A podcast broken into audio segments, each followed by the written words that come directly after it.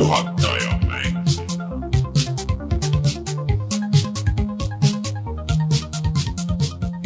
tere tulemast, on reede, kahekümne kaheksas jaanuar aastal kaks tuhat kakskümmend kaks ja on aeg puhata ja mängida. mina olen Rainer Peterson, minuga täna üle interneti siin Rein Soobel. no tere, tere.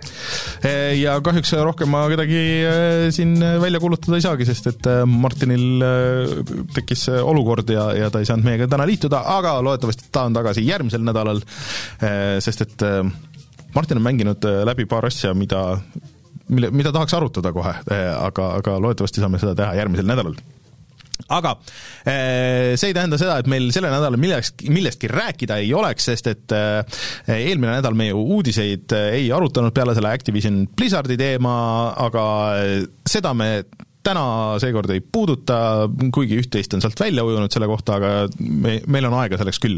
nii et võtame hoopis teisi uudiseid ja meil on palju mänge, mida me oleme mänginud ja Rein näiteks on seda uut God of War'i mänginud arvuti peal ja, ja uut God of War'i või? no tehniliselt see on ikkagi kõige uuem God of War nagu, et, et, et sa, sa ei, sa ei saa seda nagu ümber lükata kuidagi. no kaks tuhat kaheksateist aasta mäng tegelikult, nojah, aga neli aastat vana juba. Aa jaa, on jah. aga, aga sellest kindlasti räägime, et kuidas see siis arvuti peal jookseb ja kuidas see on. ja siis äh, meil on palju muid uudiseid, uusi mänge on välja kuulutatud mitu tükki, aga äh, enne kui me nende teemadeni jõuame, siis võtame selle kohustusliku osa siin alguses, ehk siis meie Patreon. Pat, pat, pat, Patreon. patreon.com kaldkriips puhata ja mangida on see, kus te saate meid toetada, kuhu on leidnud oma tee mitu uut inimest eh, sellel nädalal, nii et eh, tere uutele toetajatele ja suured tänud, muidugi kõige suuremad tänud Taavile, Jutlustaja X-ile, Failisile, GameCanile, Device nullile, Randroidile, Kalevusele ehk siis, kui te tahate, et me loeks teie nimed ka ette siin või siis paneks videote lõppu suurte tähtedega, siis, siis level on seal Patreonis kirjas, mis summast alates seda saab. Ja ka väiksemate summadega saab näiteks tasuta mänge igakuiselt uusi ja järgmine nädal juba peakski minema uus pakk üles, nii et tulge sinna ja vaadake. Ja mis põhiline, saate tulla Discordi jutustama meiega, vaidlema meiega ja, ja, ja seda inimesed teevad ja on tore alati chat ida seal. Nii et patreon.com, kaldkriips vaata mangida, sealt leiate kõik need asjad. ja siis äh, meil on Youtube'i kanal Youtube.com, kaldkriips vaata ja mangida ja sinna läks sellel nädalal üles video sellest, kuidas me mängime Sten Koolmaniga, mängime äh, Windjammers kahte, mäng, millest ma täna natuke veel räägin, aga minge vaadake videot, siis te saate natuke aru, milline mäng see on, milline see välja näeb ja, ja siis äh, tulge tagasi ja siis, siis ma räägin pikemalt, et millega täpselt tegu. ja järgmine mänguvideo loodetavasti juba teisipäeval, millest täpselt ei tea, eks kõik eh, sõltub ja eh, nagu nagu aeg on näidanud viimasel ajal, siis ega ei tea midagi lubada, alati siis, kui midagi välja lubada, siis, siis läheb puseriti. nii et eh, aga loodetavasti järgmine nädal juba uus mänguvideo. nii, aga Rein, ütle paar teemat veel, millest me kohe varsti rääkima hakkame.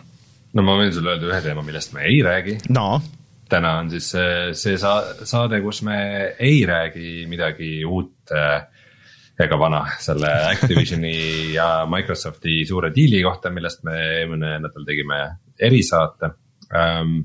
no see, et me Activisionist või Blizzardist ja nende mängudest üldse ei räägi, seda me ei saa lubada, et mõned, mõned mänguuudised on uh,.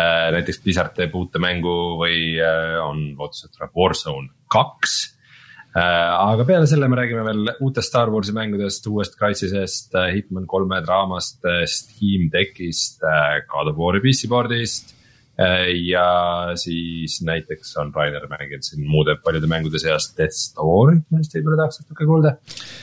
ja nii mõndagi muud jah, aga tuleme kohe tagasi ja siis hakkame neid teemasid järjest läbima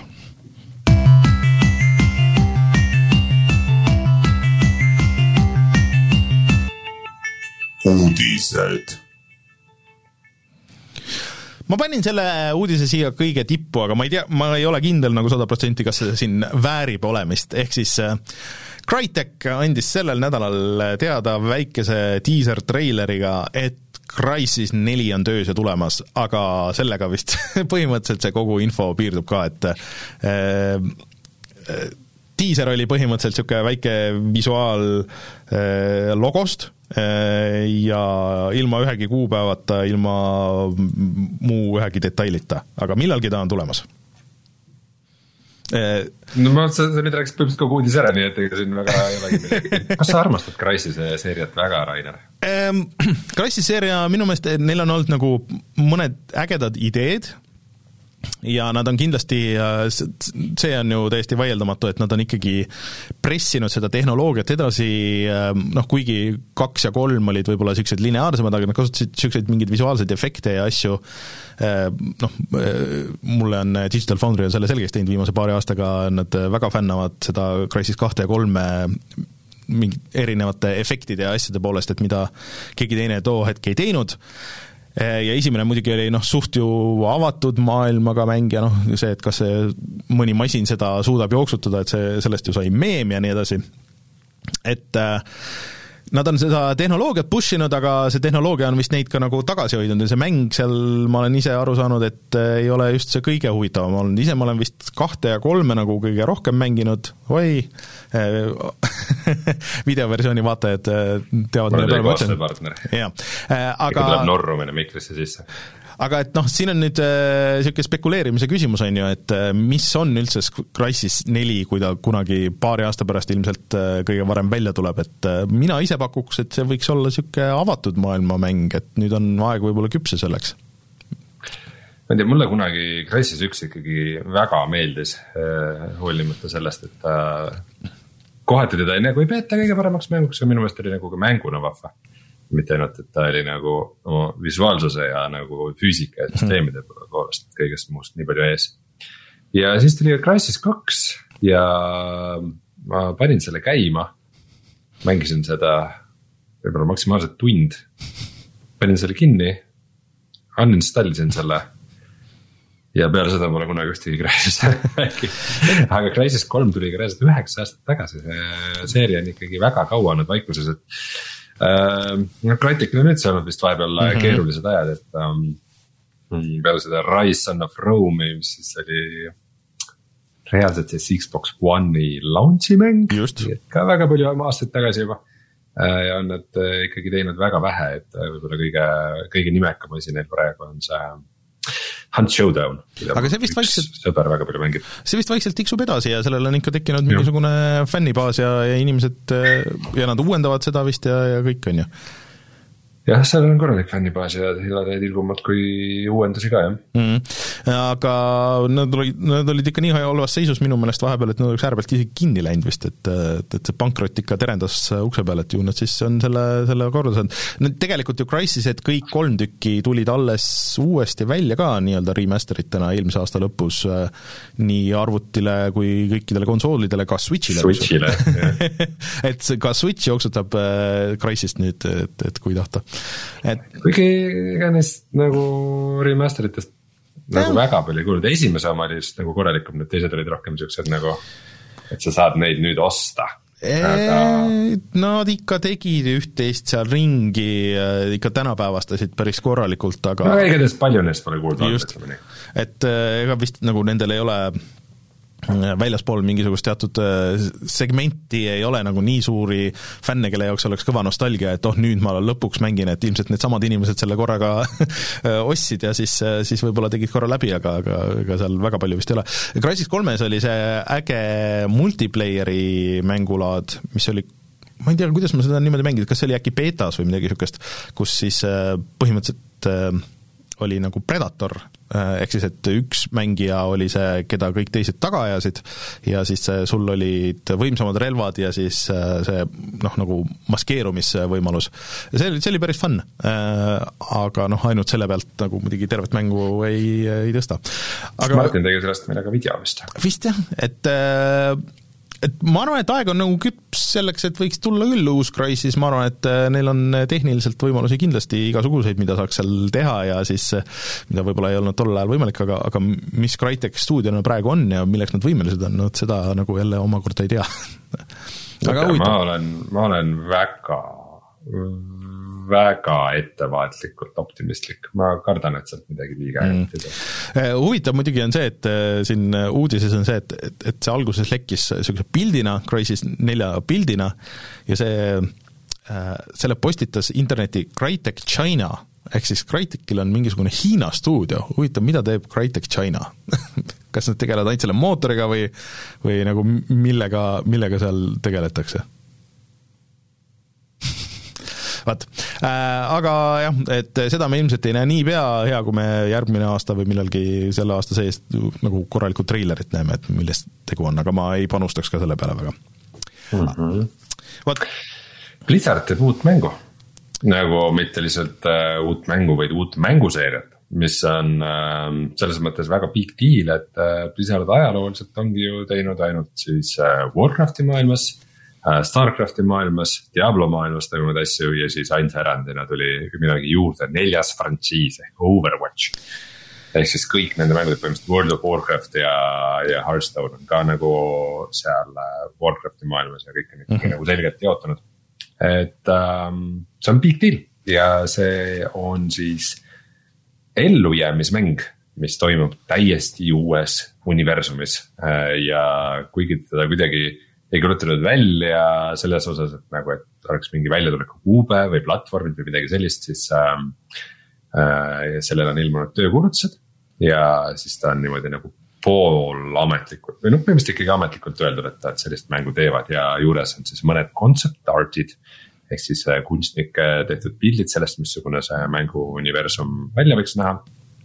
ja see siis viitab, et kuigi tegu on ellujäämismänguga, siis see viitab ikkagi niuksele veidikene nagu mingile tänapäevale, tänapäevasele, tänapäevase maailma paralleelmaailmale mm., kuhu lähevad äh, tänapäeva noored äh,, lähevad mingite hõljuvate kindluste maailma. aga tead, Rein, üks, üks asi, muidu noh, kõik tunduks nagu okei okay ja nii edasi, aga üks asi mus alati äh, tekitab äh, sihukest äh, kahtluseid ja ebakindlust ja siiamaani on see üldiselt pidanud paika, ehk siis kui keegi kuulutab välja mängude seeria, mitte mängu, vaid et me siin teeme, meil on täiesti uus asi ja seal on juba planeeritud suur frantsiis taha, tihti see on niisugune kahtlane ja sellest noh, väga, väga harva tuleb midagi rohkem kui see üks mäng võib-olla no Blizzardiga on nagu selles mõttes võib-olla teistmoodi, et äh, neil noh, need, need seeriad nagu ongi nii suured.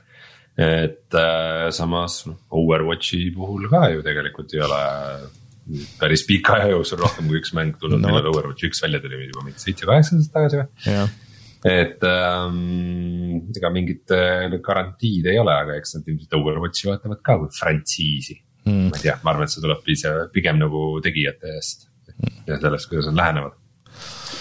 Aga taaskord, et ega see aasta ilmselt ei näe me midagi ja kõige varem järgmine aasta ja suure tõenäosusega vaadates kõiki, mis juhtub Activisionis, siis pigem pärast seda. võib-olla me ei näe seda kunagi. võib-olla me ei näe seda kunagi, on ka jah, päris suurejooneline see, et see nagu natuke tundub ka, et okei okay,, et meil on vaja käbe nüüd mingisugust positiivset uudist ka siia vahele, et aa, me teeme ikka uut mängu ja me ei ole surnud, me ei ole veel Microsofti ma arvan, et pigem asi oli selles, et äh, neil oli mingi hetk vaja inimesi palgata ja need super hägusad töökuulutused ei ole võib-olla kõige atraktiivsemad või, või võib ka olla nagu olukord, et kui keegi tahaks praegu Blizzardisse tööle minna, siis ta ei taha ühegi nende vana nagu frantsiisi peale minna. Mm..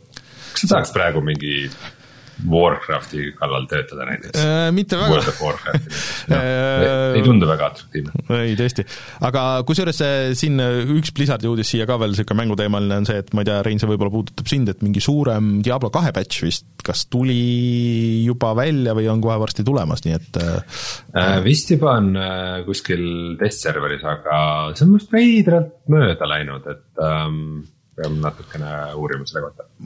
Aga põhimõtteliselt see asi on elus jah äh,. Mul... millalgi hakkab lihtsalt see ladder ka mm., et äh, siiamaani ju, kuigi see mäng tuli nüüd, Diablo kaks Resurrected tuli välja nüüd juba septembris või midagi mm, -hmm. et äh, siis siiamaani ei ole seda nagu seda, seda nii-öelda võistlevat ametlikku mm. ladderit äh, lahti läinud okay.. Äh, nüüd äkki juba oleks aeg seal vist oli mingid muud, mingid suuremad muudatused, äh, ühesõnaga jah, et äh, inimestelt, kes mängivad, mul jäi kuskil silma, et, et äh, nende meelest on see päris big deal, et loodetavasti järgmiseks nädalaks tšeki üle.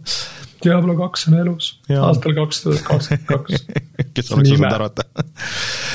Aga asi, mida võib-olla inimesed ei arvanud, et muutub ikkagi frantsiisiks, aga nüüd tundub, et äh, ikkagi muutub, on Call of Duty Warzone nimelt äh, siin nende merger'ite ja asjade käigus äh, kuskilt lekkinud infost tuli välja, et jutt oli just siis nagu sellest platvormi eksklusiivsusest ja et, et kolm järgmist Call of Duty mängu kindlasti tulevad ka Playstationile ja kuskilt tilkus läbi. ja üks nendest siis on Warzone kaks mida loetakse välja lasta aastal kaks tuhat kakskümmend kolm. Hmm. ja see tuleb väga suure üllatusena, sest Warzone on äh, siis äh, Call of Duty tasuta battle royale'i mäng mida mängivad väga-väga paljud inimesed ja väga paljud inimesed on seal ju ostnud omale igasugust kosmetsi ja relvi ja skin'e ja roosasid kuule ja mida iganes ja siis äh, see, et kui kunagi tuleb äh, Warzone'ile mingi suurem uuendus, saab olema eraldi mäng. kus sa pead alustama nullist ja kõik su raske vaevaga teenitud kosmets on läinud. noh, võib-olla mõnele inimesele üllatusena e, ega rahvas ilmselt väga rõõmus selle üle ei oleks, oleks umbes sama kui, et aa, meil on nüüd Fortnite et äh, kõik, mis teil on, et me nüüd siin alustame nullist tead, mina, mina olen, mina nagu mm,. see on kindlasti asi, mis, mis nagu ajab inimesed nagu kahte lehte, aga ma arvan, et see on pigem hea, et nagu seda ühte ökosüsteemi ei pea igavesti toitma, et ta millalgi hakkab nagu äh, uuenema, see, mis nagu Call of Duty'dest üldiselt saab, et kas see Warzone'i kõrval jäävad püsima siis ka sellised iga-aastased äh, uued äh,. Niuksed eraldi sügisesed äh, blockbuster Call of Duty mängud, millel on. mida teevad kolm-neli stuudiot. mida enamus ei mängi ja mingid äh, deathmatch'id ja mõnikord ka zombies mode, et nagu kas see jääb püsima või mitte, et see on natuke kahtlane, aga see, et see, et Warzone nagu millalgi siukse täieliku refresh'i saab, äh, on minu meelest väga-väga äh, tervitatav. ja kõlakate järgi see Warzone kaks siis ka ei tuleks üldse vanadele konsoolidele. nii et äh, võib-olla siis tulebki nagu selline erisus, et nagu Warzone ühte saavad edasi mängida siis ka näiteks Playstation nelja ja Xbox äh, One'i omanikud. aga Warzone kaks on siis ainult PC ja uued uued, uued konsooli generatsioonid no,, mis tundub ka okei. Okay.. jah, et seal võib-olla mingi mootori vahetus, sest et noh, Call of Duty mootorid, sellest me oleme rääkinud siin aastaid, et see on ju tegelikult suht ajast ja arust, et see on otsapidi ikkagi vist kõik kolme juured ja ma ei tea, mis asjad veel, et, et võib-olla no iga aasta nad ütlevad, et nad tegid selle mootori täiesti ümber, aga eks tal on omad plussid ja miinused. Jah, et äh, võib-olla nagu see on seal taga, et, et mis noh, niisugust next gen äh, refresh'i nagu siis, et võib-olla see oleks ka nagu lihtsam viis maha müüa inimestele seda, et okei okay,, et see on nagu true uh, next gen experience, et, et me nüüd enam ei, ei ole kinni hoitud uh, nende PlayStation nelja ja Xbox'i piiridest, et lähme all in, aga aga muidu üks, üks naljakas info, mis kuskil diskussioonides välja kerkis, mis mul, mis mind veidike üllatas, on see, et et kui keegi ütleb, et nagu, et, et see on ikka täiesti mõeldamatu, et kuidas saab nagu niimoodi selle Battle Royale'i Call of Duty mängijaskkonna nagu mitmeks lüüa ja et asjad ei jää alles ja. et see ikka on täiesti ebaloogiline, siis äh, keegi kuskil tõi välja, et äh, Call of Duty Blackout on ka siiamaani olemas ta on siiamaani laivis tegelikult ma ükspäev mõtlesin selle peale, vot nende uudiste peale, et, et tegelikult ju see tähendab siis seda, et on Warzone, on Blackout. Äh, need on kaks nagu Battle Royale'i, on ju?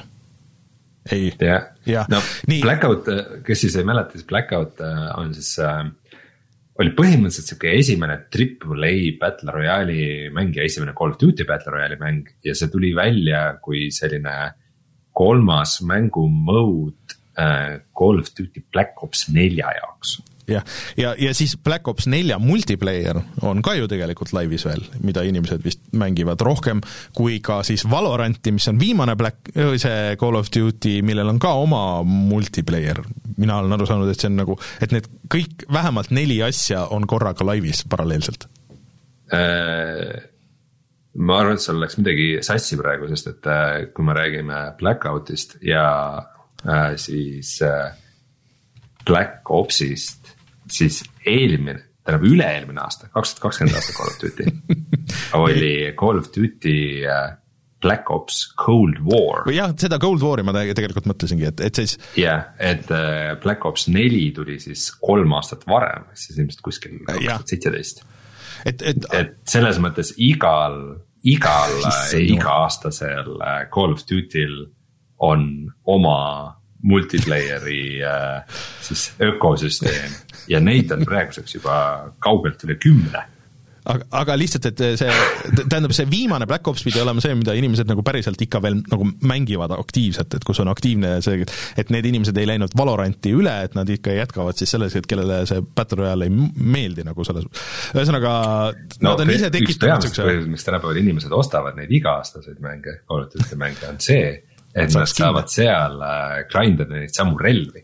et äh, nad saavad oma relvadele kõik mingisugused äh, õiged magasinid ja kuldsed skin'id ja asjad nagu teenitud tavalises deathmatch'is.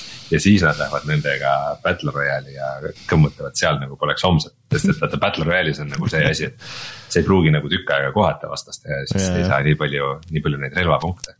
siis äh, ongi see, et kõigepealt pool tundi kükitad võsas ja siis lendab mingisugune kari kuldsete relvadega tüüpe kuskilt selga ja tapavad su ühe sekundiga ära, et Ole... see on ju tore Äh, oled sa Warzone'i mänginud ka üldse viimasel ajal?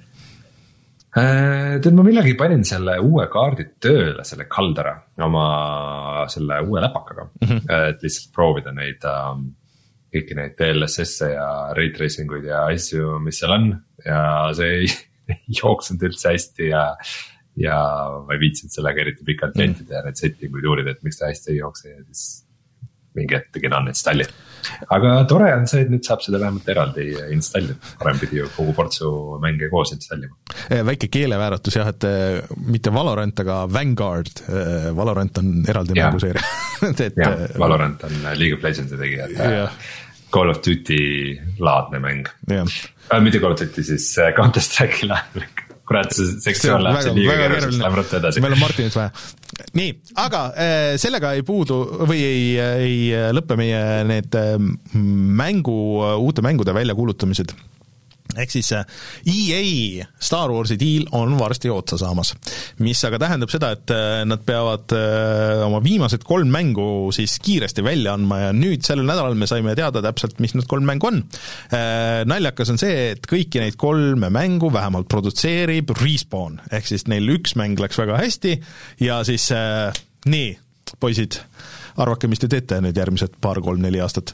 Eh, ehk siis eh, üks nendest mängudest on järg Star Wars Jedi Fallen Orderile, mäng, mis mulle iseenesest eh, väga meeldis ja oli tõesti täitsa hea mäng.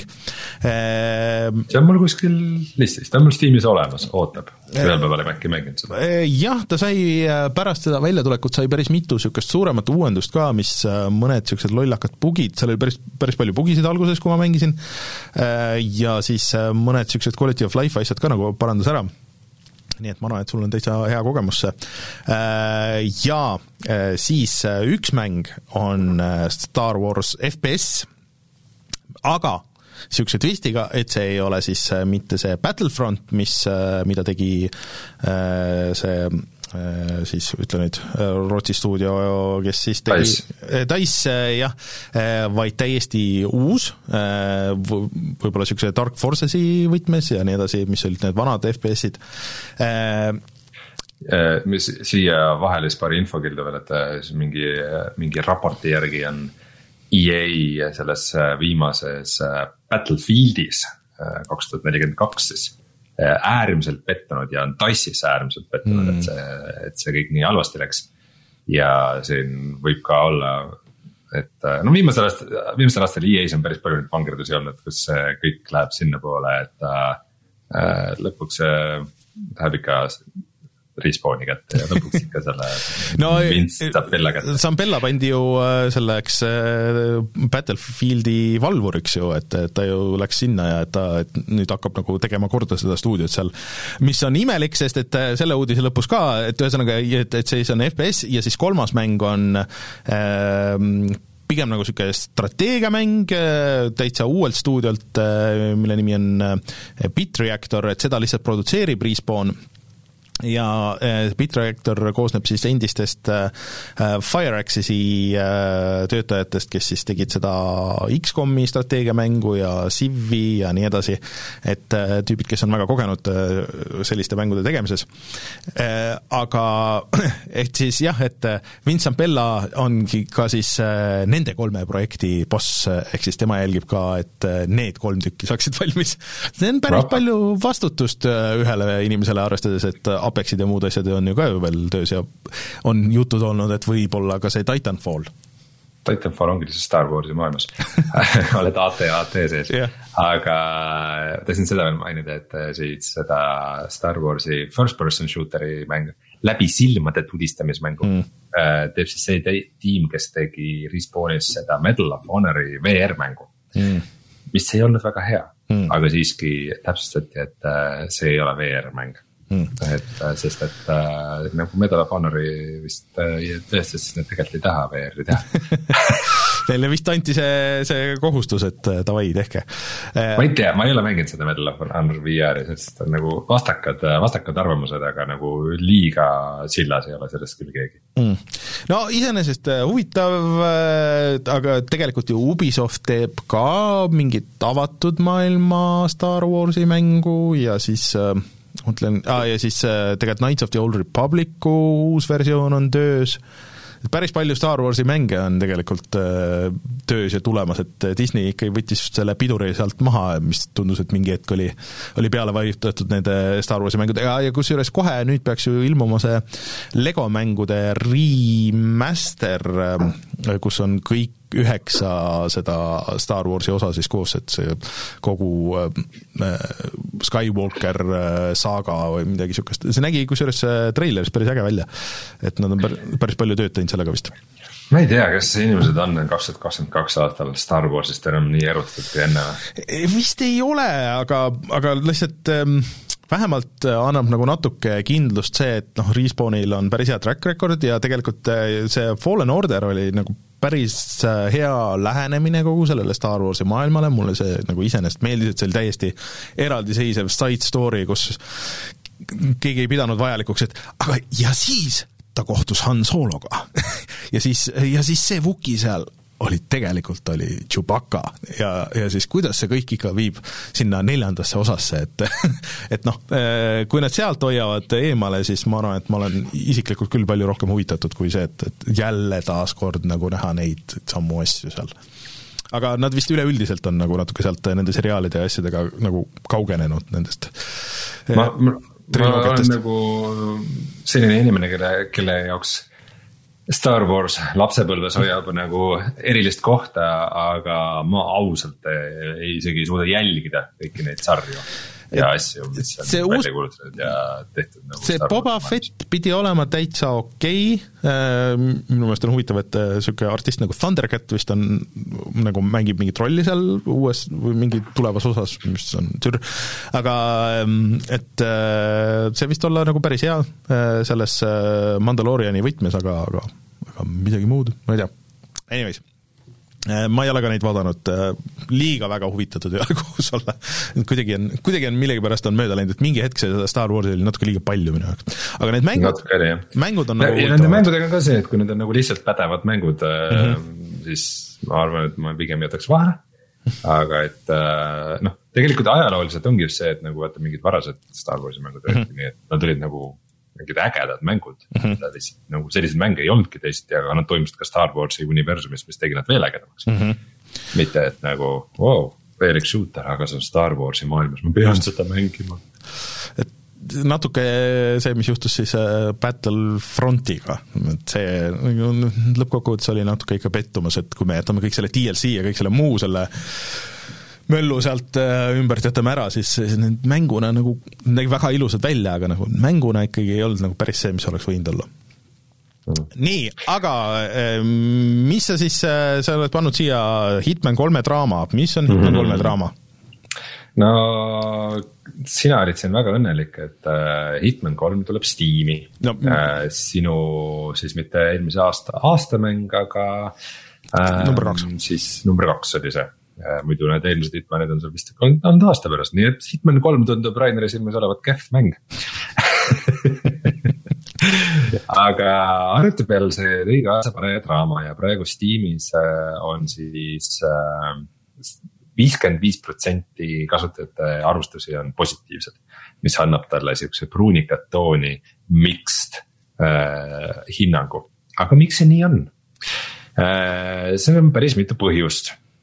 Nimelt siis äh, Hitman kolm tuli küll aasta tagasi välja, aga PC peale ta tuli siis selle Epiku aastase eksklusiivsusega et äh, nüüd ta tuli arvuti peale ja Hitman kolmel on see omapärane struktuur, on ju. et sa saad Hitman kolme sees mängida Hitman kahte ja Hitman ühte äh,. aga ainult siis, kui need on sul ka ostetud või on seal ka mingisugused äh, DLC-dena võimalik neid või mingit eriti, eripakkidena, aga missugused DLC-d lähevad nende pakkidega kokku ja missugused mitte ei ole nagu väga selge, vahepeal oli isegi vist mingisugune subscription'i laadne süsteem, ühesõnaga sul on nagu reaalselt vaja mingisugust juhendit. et äh, kuidas seda mängu üldse nagu mängida või ost-, mis järjekorras sa pead mingeid asju ostma. et, et üldse see asi kätte saada ja see kõik nagu eriti halvasti mängis kokku sellega, et nagu oo, kaks osa olid Steamis ja siis kolmas, kolmas tuli ainult Epicusse, et äh, selle peale olid äh, fännid kurjad, paljud äh, paljud, kes muidu isegi äkki ei vihka Epiku poodi, ei saanud aasta jooksul äh, seda mängu osta, sest et nad oleksid siis jäänud ilma kõikidest nendest asjadest, mis nad on nagu varem ostnud. ja ootasid aasta aega ära. ja äh, Hitman kolm tuli müügile täishinnaga. Ja paljude arvates see ei ole väga õiglane, sest et see on ikkagi aastamana mäng ja inimesed on aasta aega oodanud seda äh, ja siis noh, tänapäeval juba paar kuud hiljem suured mängud maksavad äh, märksa, märksa vähem kui välja tulles. aga Hitman kolm siis peale seda, et nad on aasta aega kõiki Steam'i kasutajaid tildistama, nad siis otsustavad veel nagu täismängu hinna ka koorida, et see tundub nagu veel kohe nagu eriti ebaõiglane. ja üks põhjus, mis, mis veel ei võetud võib-olla päris hästi vastu, on see, et, et sellel on nüüd siis kaasas ka VR mängulaad, mis siis varem oli ka Playstation VR-i peal. ja see VR mängulaad on paraku täielik crap. et kui, kui ta BSVR-i jaoks tehti, siis ta võib-olla isegi üllatas positiivselt, sest et noh, BSVR äh, ongi nagu suhteliselt limiteeritud oma tehnoloogia poolest ja selle kohta see, et sa saad seal sees mängida Hitmani tundus juba ideena piisavalt vahva. aga kui PC port äh, on põhimõtteliselt lihtsalt selle BSVR-i versiooni selline uim ülevõtmine äh, või nihuke väga laisk adap- adaptatsioon, siis äh, see ei tee kahjuks õnnelikuks mitte kedagi no eh, sellest eh, minu jaoks eh, natuke oli alguses nagu ebaselge üldse, et et kas eh, siis Hitman tuli eraldiseisva mänguna müüki selle kuuekümne eest või siis see terve pakk, sest et noh, näiteks Gamepassi ilmus see nii-öelda Hitman kolm The Complete Edition, mis juba sisaldas nagu eh, kõike seda kolme mängu ja noh, põhimõtteliselt kõiki nende kolme mängu leveleid ja noh, se-, selle eest mina leian küll, et eh, ei ole palju üldse tegelikult kuuskümmend eurot maksta. aga tõsi, et kui see on juba Epicus on kõvasti olnud allahinnatud siin, enne kui ta sealt Epicust, Epica eksklusiivist nagu välja tuli ja siis nüüd kuuekümnega Steam'i panna, no see on muidugi jah, nagu natuke küsitav, et eriti kui sul ei ole olemas, aga ma ei tea, sul võib-olla on mugavam kohe nagu järgi tšekkida, et kui palju see Complete Edition maksaks äh, Steamis, et kui see, oletame, et sul ei ole ühtegi Hitmani enne ostetud ega mängitud äh, ja sa tahad seda nüüd teha, et kuidas, kuidas see siis välja näeks? mm,. no Steam'i leht pakub päris erinevaid versioone äh,. Hitmani triloogia Jah. maksab sada eurot aga Hitman, Hitmani triloogia premium add-on bundle ah,, mida peab siis lisaks ostma, jah, ilmselt siis. see maksab viiskümmend üheksa, üheksakümmend seitse. ehk siis sa ostad kuuskümmend pluss, no põhimõtteliselt kuuskümmend pluss kuuskümmend, et see on siis sada kakskümmend eurot, jah. issand jumal, need asjad on juba nimetatud nii kohutavalt on- uh, Hitman, Hit-, lihtsalt, et inimesed saaks aru, et mi- mis, mis nagu inimestel teisi segadusse ajab uh,. kui sa ostad Hitmani triloogia premium add-on bundle'i, siis selle sees on Hitman kolm deluxe pack. Hitman kolm access pass uh, colon Hitman kaks expansion. Hitman kolm access pass colon Hitman üks game of the year upgrade. What? Ma olen, ma olen juba täiesti no lost. põhimõtteliselt jah, et seal tegelikult on siis kõik DLC ka sees, mis tuli ühele ja kahele. see on siis äh, tegelikult päris mitu kaarti juurde ja mitu mängulaadi. See on tõesti segane ja see on äh, segane olnud neil terve see aeg, et äh, see on konsooli peal on veel eriti hull, et sa osasid asju pead ostma äh, siis nagu sellest Microsofti poest ja osasid asju sa näed ainult nagu läbi selle mängu, kui sa lähed, neil on seal oma store, siis ühesõnaga, et see on väga, väga segadust tekitav. aga selle VR-i koha pealt ma nüüd jah, ma lugesin neid kõik neid, neid review si selle kohta ja nii edasi, et, et ega see vist oligi nagu niisugune boon-, lõbus boonus add-on äh, mode, mis nagu ei- võib-olla ei pidanudki nagu midagi rohkem olema, et et nad lihtsalt tuimalt tõesti võtsid ja panid selle PS4 VR-i ka siis arvutile, sest et seda nii palju küsiti, et see alguses oligi, sest Ep- Epicu versioonis nagu seda tegelikult ei olnud. Et kas seda, sellega muidugi õigustada nüüd seda kuutekümmet eurot, vot seda ma ei tea no vot, see oligi see, et nad ise ka promosid, et kuidas nad nüüd PC, PC VR-i jaoks on kõik nagu ikka teinud ägedaks ja mm -hmm. vägevaks ja. ja nagu tegelikult ainus asi, mis, et seal pidi olema küll see, et äh, sa Playstationi versioonis said mängida ainult Playstationi puldiga. aga nüüd sellel äh, PC versioonil pidi olema nagu korralik motion controller support, et sa saad päriselt nagu VR pultidega mängida seda. aga tegelikkuses tähendas see seda, et umbes nagu sa said vist nagu kätega slap ida inimesi või lüüa. aga, aga sa ei saa midagi võtta, et sa nagu paned käe millegi juurde mm -hmm. ja siis sa pead vajutama ikka mingit nuppu prompt'i ja siis see läheb sulle inventory'sse ja siis sa pead selle valima nagu mm. -hmm. kõik on nagu äärmiselt äh, no., äärmiselt ebaloogiline ja noh, ja PSVR-iga on see, et vaata, see on ainult see äh, nagu front kaamera, nii et nagu inimesed mängivad tavaliselt selle taga istudes ja pult käes. Aga mm -hmm. PC VR, nagu sa ei mängi ühtegi PC mängu istudes, sa mängid pigem püsti ja vehid nagu igas mm -hmm. suunas. ja siis ähm, äh, selle Hitman kolmega äh, siis noh, sa tegelikult ka eelmise osasid VR-is mängida, aga nendega on see, et äh, kui sa pöörad ennast või sa nagu ise ruumis kõnnid oma füüsilise kehaga, siis äh, meie kallis äh, agent neljakümne seitsme keha jääb maha. Ehk siis sa nagu astud oma kehast välja ja siis, ja siis kui sa, kui sa nagu keerad ennast, sa näed äh,, näed oma tegelase selga. nii et sa pead nagu puldiga, puldikangiga nagu järgi pöörama oma keha enda järel. mis, mis nagu on nii vale ja nii off, et äh, ei, ärge tehke seda, ärge tehke nii, see on ikka no., see on ikka ja, ja lihtsalt kõigepealt on väga bugine ja, ja ka jookseb väga halvasti mm.. et, et nagu sa ei saa mitte midagi teha, et ta ei näeks välja sihuke hästi piksline ja hägune mm. ja nagu, et selle, et selle sees nagu on mingisugune dünaamiline resolutsiooni muutus, et ta ei jookse nagu äh, selle resolutsiooni, mis sul display on, mis mm. on kusjuures äh, häda tegelikult päris paljude Triple A mängude VR-portidega mm.. viimane, mis mul meelde tuleb, on see Star Wars Squadrons, mida miskipärast nagu kiideti VR-versiooni, aga see nägi ka nihuke nagu pikslimäsu välja, et see oli ikka ebameeldiv hmm.. aga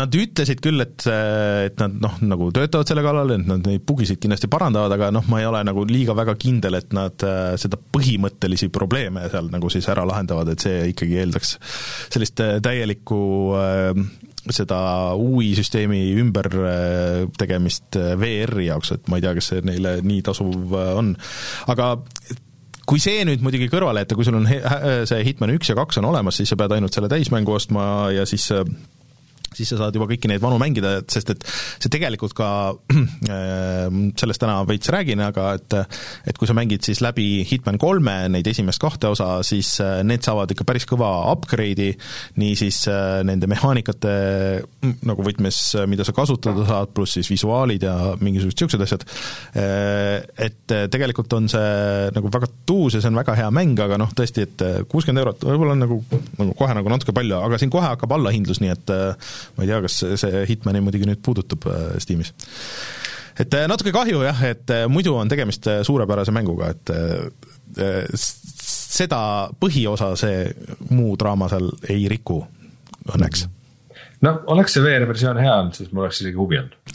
aga ma Nüüd ütleks, ma ütleks, et sa võiksid mängida ka seda lihtsalt, lihtsalt nii, mitte VR-versioonis, lihtsalt niisama, sest et see on no ühesõnaga, ma jätan hilisemaks, ma, ma tahan rääkida Hitmanist natuke pikemalt veel, veel täna. No kui ta kunagi Epicusse tasuta tuleb, siis ma okei. Äh, aga meil on paar uudist veel siin, enne, enne kui me saame mängudest rääkida, et äh, üks asi, mida mina olen oodanud kaheksa aastat juba, nagu selgub, äh, on siis Resident Evil nelja fänni ream, remaster põhimõtteliselt siis paar Hispaania tüüpi, kes võtsid vaevaks siis kogu mäng äh, nagu läbi käia tiheda kammiga ja siis uuendada kõik tekstuurid, uuendada kõik efektid nii hästi, kui neil siis kahel amatööril sisuliselt võimalik on, sest et see noh, arvutiversioon oli väga erinev sellest, milline ta mõnes mõttes sellel originaal GameCube'i versioonis siis oli. Ja noh, kõik need aastad oleme no, me jah, nagu sorry, et ma niimoodi poole pealt vahele segan, aga tegin just äh, siin jutu käigus Epiku poe lahti ja Epicus on praegu Hitman kolm viiskümmend protsenti alla hinnatud, et Epiku poes on kolmekümne euroga mänginud seda aasta aega olnud ja Steamis on kuuskümmend. Dude, valus. no see on. Äh, valus. see on äh, kõva peitimine Epiku poolt, mulle tundub aga äh, jah, ühesõnaga siis äh, see Resident Evil'i remaster äh, sai kuupäeva ja see on juba järgmisel nädalal, ehk siis et teisel veebruaril tuleb see välja, see on täiesti tasuta kõigile, kellel on Steamis olemas see viimane Resident Evil nelja versioon siis, ma ei mäleta, seal oli mingi alapealkiri väike, ja sealt saate tõmmata alla kõik need failid ja siis installida selle põhimõtteliselt moodina aga nagu sellega on natuke see mure, et kõik, kes vaatasid seda treilerit siis selle remaster'ile, et noh, mis siin väga siis remasterdatud on või et ma ei tea, et see näeb välja nagu ma mäletan, et Resident Evil neli nägi välja. no tegelikult ikka ei näe, et kui sa paned seal before and after'it paned äh, kõrvuti, siis äh, vahe on ikka väga märgatav, et see originaal oli noh, ei ole mõeldud isegi nagu full HD resole mitte ja see vist minu meelest tõi endaga kaasa ka ultrawide'i toe Äh, ja mingid veel niisugused äh, elukvaliteedi muudatused, nii et et äh, kellel huvi Resident Evil nelja vastu, siis tšekkige kindlasti üle, see on järgmisel nädalal ja selle saab siis rehd.com'ist vist minu meelest saab tasuta. ma just mängisin Resident Evil nelja. paar aastat tagasi, kolm aastat ei. tagasi ei. VR, VR-versiooni eelmine aasta. jaa, jaa, õige jah mõni kuu tagasi. jaa, jaa. ma ei mänginud küll läbi, ma jõudsin lossini mm,. okei okay.. lossis äh, väsisin ära. no, no äh, aga kas sa plaanid selle lõpuni teha millalgi? hea küsimus, nagu hullu nagu otsest plaani ei ole, aga samas ma ei tea, äkki tuleb millalgi moment, ma ei tea, mul on nagu, kui ma nagu VR-mänge mängin, siis ma tahaks mingeid uusi mänge mängida üks, mul oli, ma ei tea, see on natuke nagu tundub minu needus, et ma ei mängi VR-mänge lõpuni, aga samas võib-olla see on, see tuleneb ka sellest, et vaata VR-mänge sa mängidki veidi teistmoodi, see on nagu kuidagi. kui sa oled rohkem mängus sees, siis sa ei viitsi mingitest igavamatest osadest läbi sloogida ennast, et siis äh,. siis ongi, et äh, saad fiili kätte mängust ja kui content otsa saab, siis edasi ei mängi, mis seal ikka.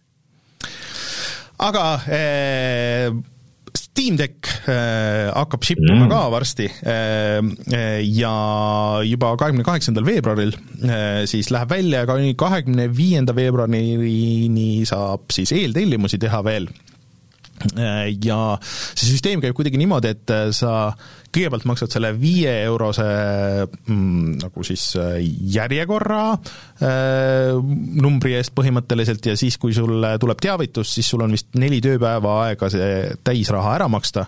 ja kui sa selle ära maksad, siis äh, millalgi juba äh, vist äh, praegu, kui sa praegu tellid, siis millalgi suvel või midagi niisugust on võib-olla lootust äh, saada kätte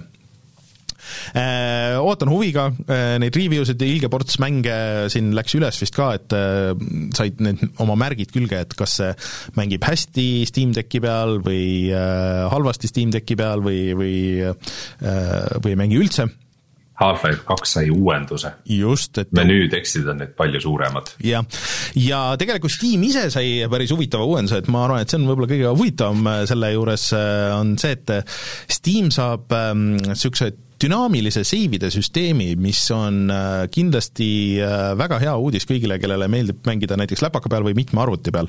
siis, et Äh, see tähendab seda, et äh, Steam Cloudi salvestus siis ei lähe üles mitte siis, kui sa oled noh, nagu mängu kinni pannud ja ära kuttinud, vaid sul võib mäng äh, ühes arvutis käia ja dünaamiliselt laetakse siis äh, see pilve juba, see salvestus, kui seal on midagi muutunud, äh, ja kui sa avad selle mängu teises mängu, äh, teises arvutis, siis, siis sa saad sedasama seivi jooksvalt jätkata, kui sa paned selle ühes kinni, siis teises saad edasi minna ja nii edasi, et ühesõnaga neid hoitakse niimoodi süngis.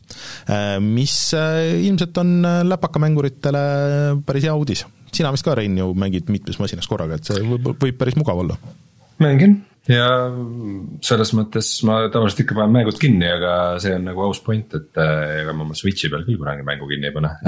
No ongi, et, et.... aga, aga see, see, et eri device'ide vahel on cloud save'id ja et nende vahel saab nagu, nagu jooksvalt hüpata, et ütleme, et kõik nagu Steam'i ja PC kasutajad on äh, viimase kümne pluss aasta jooksul äh, juba ei, ei suuda mõeldagi, et see võiks olla teistmoodi, aga see, et see niimoodi mängu ajal võib toimuda, on kindlasti väga tänuväärne Äh, üks asi, mida, mis äh, ilmselt varem või hiljem kuidagi võiks või peaks jõudma arvutile, on see, ilma milleta mina ei oska nagu praegu elada, on see, et Xbox ju kasutab seda quick resume'i, ehk siis, et sul on mingi neli, viis, kuus mängu on kogu aeg lahti, sa võtad selle lahti, sa ei pea midagi load ima, sa ei pea neid alguse asju nägema, et sa lähed sealt edasi, kus sul eelmine kord pooleli jäi. Äh, isegi kui sa vahetad mängu vahepeal.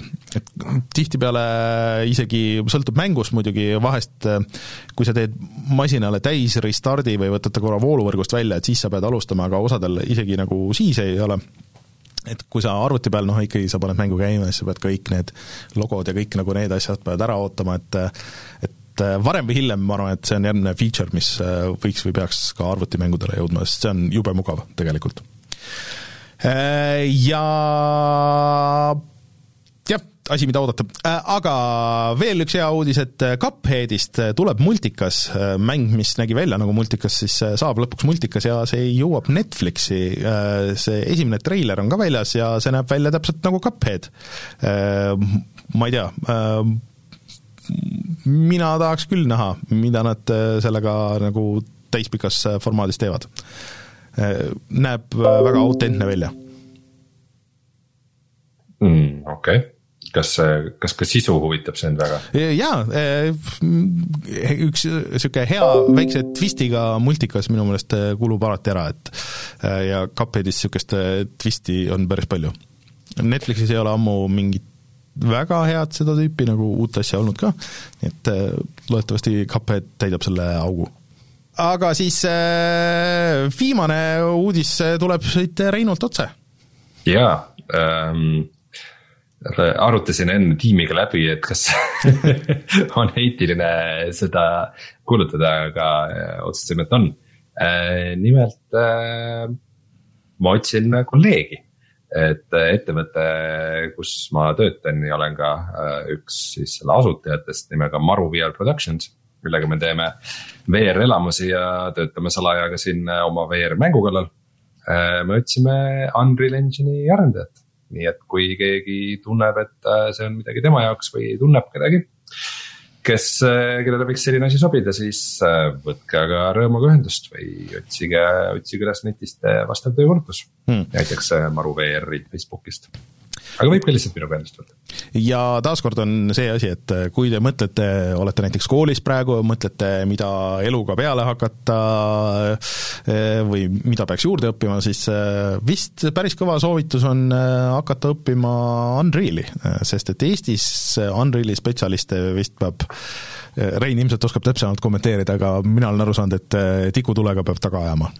On, on, et ega seda ju väga kusagil ei, ei õpetatagi ja mm, noh, isegi mit-, isegi siis, kui su eesmärk ei ole saada mänguarendajaks, see on nagu küll selline süsteem, millega saab tänapäeval teha. ma ei tea, kõike telefoni mm -hmm. äppidest kuni, kuni ilmateate visualisatsioonini, et, et, et, et, et need on väga vägevad uued tööriistad ja nendega tasub kindlasti kursis olla. videoproduktsiooniks viimasel ajal kasutatakse ikka väga palju, et puhtalt need screen, green screen'i võtted ja asjad on nii palju lihtsamad teha seal, kui hakata After Effectsis sarnast stseeni ehitama, ma olen aru saanud, et et see välja renderdamine ja kõik see on nii palju kiirem ja kui sa nagu, nagu ähm, selles valdkonnas töötavad inimesed teavad, noh, tavaliselt sa pead tegema väga palju muudatusi ja nihutama neid asju siiapoole ja sinnapoole ja neid järjestusi muutma ja neid on palju lihtsam teha tegelikult äh, Unrealis kui, kui After Effectsis, nii et äh, kui vähegi võimalik, siis võtke see kätte ja hakake vaikselt otsast õppima. minul on küll plaanis vot, aga sellised olid uudised sellel nädalal, tuleme tagasi ja siis äh, räägime mängudest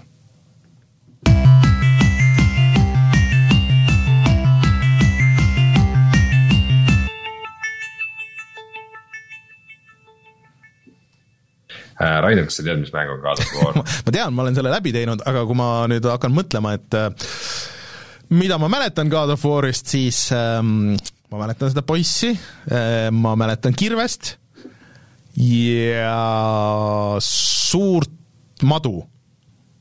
see on vist suht koht kõik, mida ma mäletan sealt ma arvan, et see on rohkem, mis sa enamus mängudest mäletad. võimalik äh,, aga kaugel sa oled, kuidas sul läinud on, et sina mängisid äh, no, mingi... ühesõnaga God of War on siis see mäng, kus äh, suur habemega mees alguses raiub puud. ja siis ta tassib mm. seda palki mm. teise kohta. mitte komando. ja tassib seda koos oma pojaga. ja siis äh, tuleb välja, et ta tassib seda selleks, et, et teha oma naisele põletamismatust. ja siis ta kukub kokku naise tuha ja siis nad lähevad poisiga seda mäe otsa viima. ja sellest räägibki see mäng.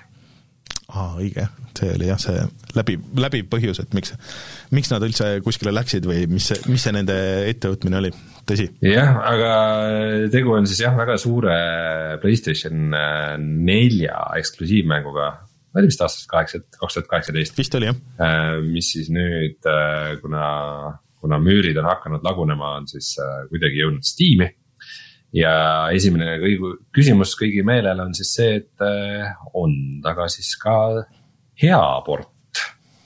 või on, on siis või? või on lihtsalt mingi, mingi jama.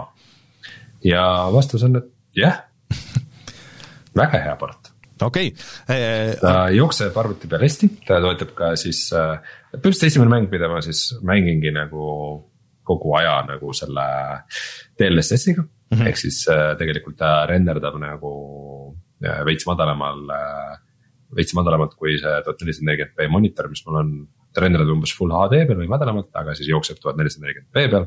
nii et tänu sellele ta püsib seal kogu aeg kuskil seal kuue, kuuskümmend kaadrit sekundis. kuigi mäng algselt tuli välja siis kolmkümmend kaadrit sekundis mm. -hmm. ja siis äh, palju sellest, neid häid äh, PC option eid on ka, seda saab mängida ka klav-, klaviatuuri ja hiirega. aga kuna mul on Playstation viie pult ehk siis see DualSense'i pult, siis ma ühendasin selle. ja see on nüüd kummaline nii um,.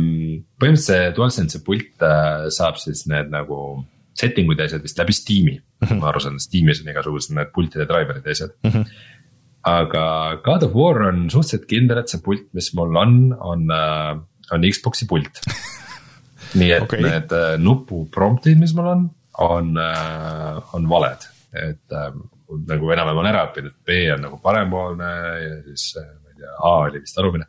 et aga see tegelikult, need nupu prompt'id, mis ma saan, ei ole need, mida ma näen okay. ja mm, ma ei ole leidnud, et seda saaks kusagilt muuta, ei Steam'i setting utest ega mängu enda setting utest äh,. siis äh, kui mul saab pult tühjaks, siis ma ei saa selle kohta mitte mingisugust hoiatust, lihtsalt keset mängu nagu tühi. Hmm. Et, äh, et mulle tundub küll, et DualSense nagu ei ühendu nagu aga äkki, arvutiga kuidagi absoluutselt. äkki sa peaks installima mingid süsteemi driver'id sellele DualSense'ile, võib-olla selles on probleem ma ei tea, ma ei ole seda väga põhjalikult uurinud, aga igatahes nagu out of the box okay. ei tööta päris nii nagu peab. aga mis on nagu huvitav, on see, et äh, väidetavalt ka see hiire klaviatuuri tugi on päris hea. et niimoodi saab mängida küll. ja põhimõtteliselt on see, et äh, ma ei ole varem näinud sihukest asja, et, et nii kui ma näiteks laual hiirt veidike liigutan, nii järsku tšükk, kõik muutub nagu klaviatuuri hiire peale, kõik prompt'id, kõik asjad mm. -hmm. ja siis, kui ma pulti vajutan, siis läheb jälle tagasi puldi peale, et see nagu toimub ülidünaamiliselt ja üli nagu märkamatult. et põhimõtteliselt on see, et mingi, lähen menüüsse, vajutan menüü nuppu puldi peal, siis hiirega nagu klikin seal asju ja siis mängin nagu puldiga edasi täiesti mitte mingit probleemi ei ole no aasta on kaks tuhat kakskümmend kaks, et äh, võiks juba olla ka niimoodi, et äh, see make ib sense'i, et peaaegu kõigil, kes rohkem mängivad, on ikka mingi pult nagu käepärast äh, tavaliselt. jah, aga mängu enda juurde, et ma, kuna ma seda kunagi PlayStation nelja peal päris palju mängisin äh,, ikka mitukümmend tundi. siis ma mõtlesin, et ma ikka kunagi lähen tagasi ja, ja nagu jätkan seda save'i ja teen ta lõpuni ja kui, äh, kui tuli jutt, et ta tuleb PC peale välja, sa veel küsisid mu käest, et kas ma kavatsen selle PC peale läbi mängida ja ma ütlesin, et ei uh. Mhm. -huh. ja siis me saime selle koodi. ja mõtlesin, ma alguses natuke proovin, vaata kuidas ta jookseb ja ma mängisin seda ja mul oli väga huvitav ja ja mulle väga meeldib see mäng.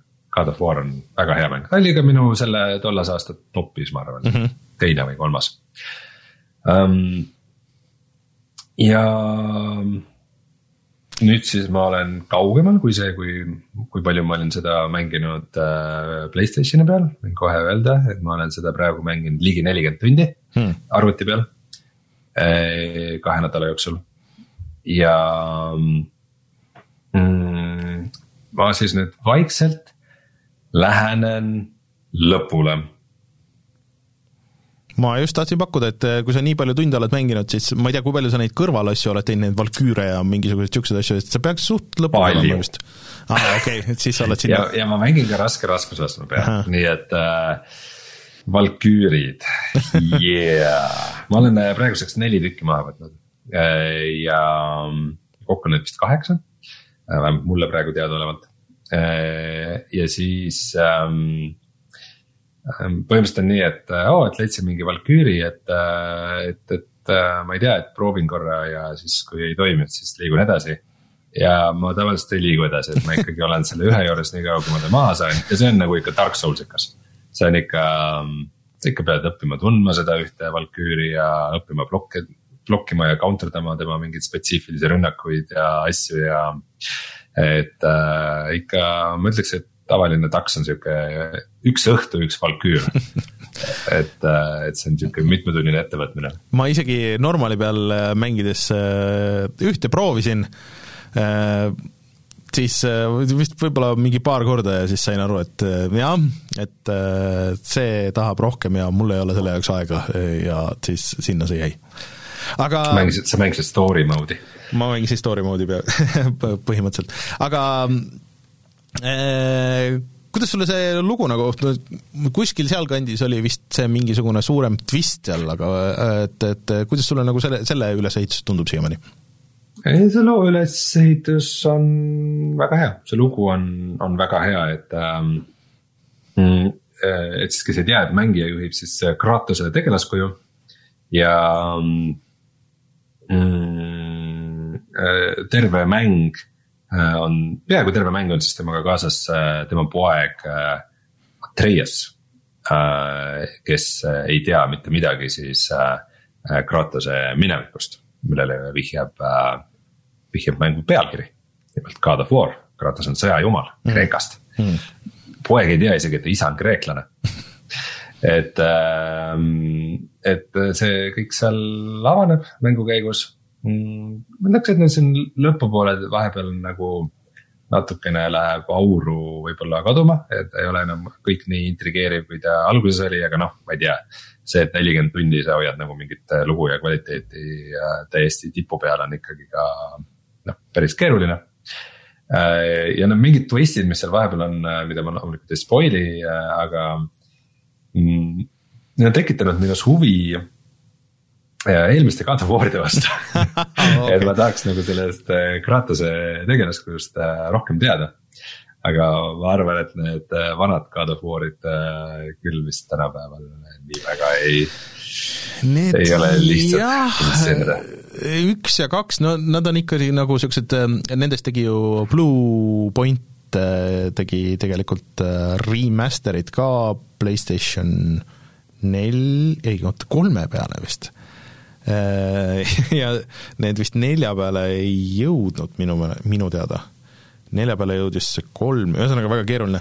kaks tuhat viis tuli esimene God of War, ei olegi nii ammu, kui ma arvasin mm., aga PlayStation kahele. jah ja God of War kaks oli ju PlayStation kahe üks viimaseid niisuguseid suuri mänge, mis pressis sellest eh, ikka nagu kõik välja, mis eh, andis pressida, et see juba algas niisuguse suure võitlusega, et millist polnud nagu enne väga nähtud seal peal ma esimese mängisin läbi, teine vist jäi, selles remaster'is see jäi pooleli, aga seal oli üks naljakas bugi, et äh, kui originaalis need jooksid maksimaalselt niisugune kolmkümmend kaadrit sekundis, siis see remaster oli kuuskümmend, aga mõned asjad olid, mõned pusled olid seal äh, aja peale ja see ajastust ei olnud muudetud ehk siis, et mingid asjad olid megarasked lihtsalt puhtalt sellepärast, et noh, sul oli poole vähem aega. et see mingi taimer tiksus tagasi nagu topeltkiirusega, et ma alguses ei saanud aru, et kas mina teen, et kas ma teen midagi valesti ja siis ma lõpuks läksin, vaatasin vist Youtube'ist nagu videot, siis vaatasin, et et okei okay,, et see on originaalselt PlayStation kahe versioon, et oot,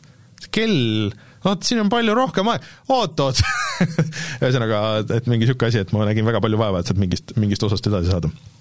Anyways, aga see ilmselt jah, tänapäeval on väga raske mängida. kolm oli vist äh, see, mis tuli siis PlayStation kolmele ja mis nägi äh, selle peale omal ajal ikka väga vägev välja. ja see, see vist porditi nelja peale ka ja siis oli see God of War Ascension, mis oli sihuke multiplayer-ish asi, mis mul on vist isegi olemas, aga ma vist ei ole kunagi seda mänginud. Anyways äh,, nendesse on, ma arvan jah, väga raske minna, et pigem äh, küsimus on nagu see, et noh, sa ei ole muidugi päris lõppu jõudnud, aga et kas see paneb sind äh, tahtma ka God of War kahte mängida? äh,. God of War Ragnaröki sa mõtled siis äh,, äh mis peaks sellel aastal välja tulema ilmselt siis. kas PlayStation viiele ja neljale? mõlemale vist jah.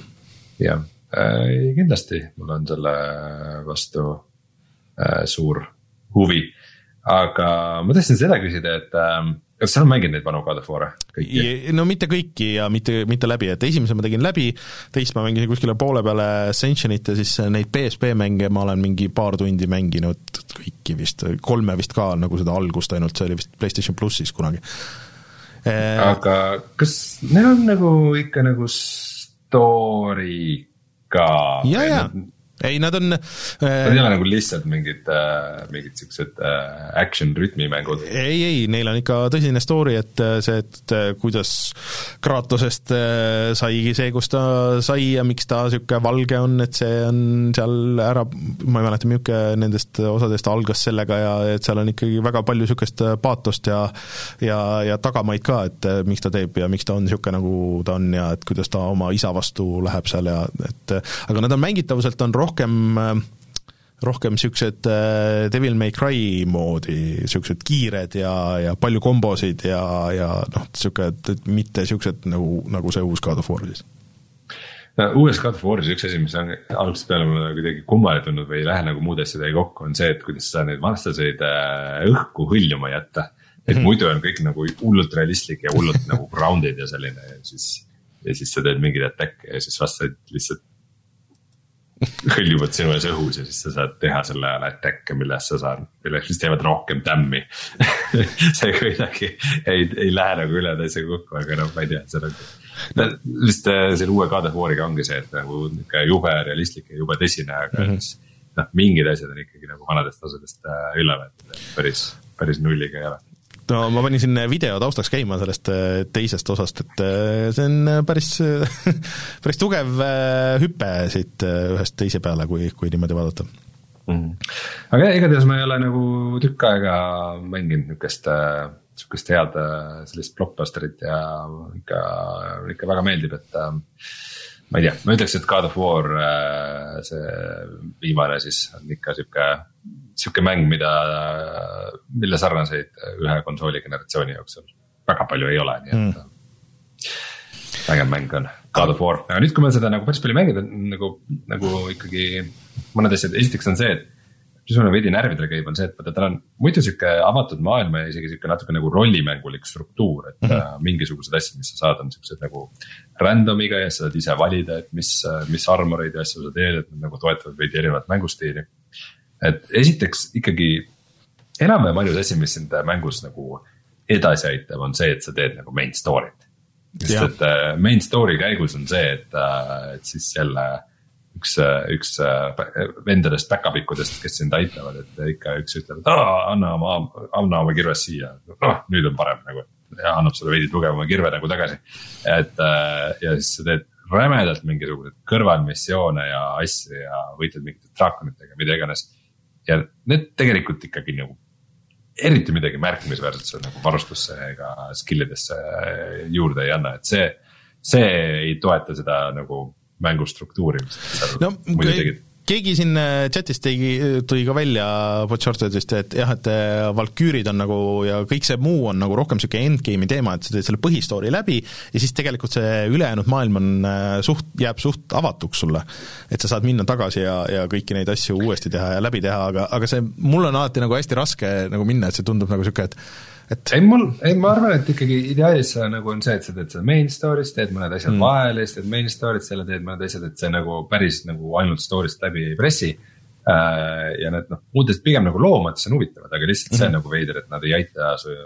Nad ei tee sind väga palju tugevamaks mm, -hmm. nagu noh, üks näide tuua, et üks missioon, mis sa saad, on see, et sa pead mingit, mingit äh, reaalselt kuskilt äh, Nilfheimist pärit äh, mingit seda whetstone, käiakivis mm -hmm. või nagu terituskivi äh, käid toomas ja mingi jõhker mitmefaasiline nagu äh, rännak on see, kuni sa lõpuks selle üles leiad ja käid väga paljudes kohtades ja siis.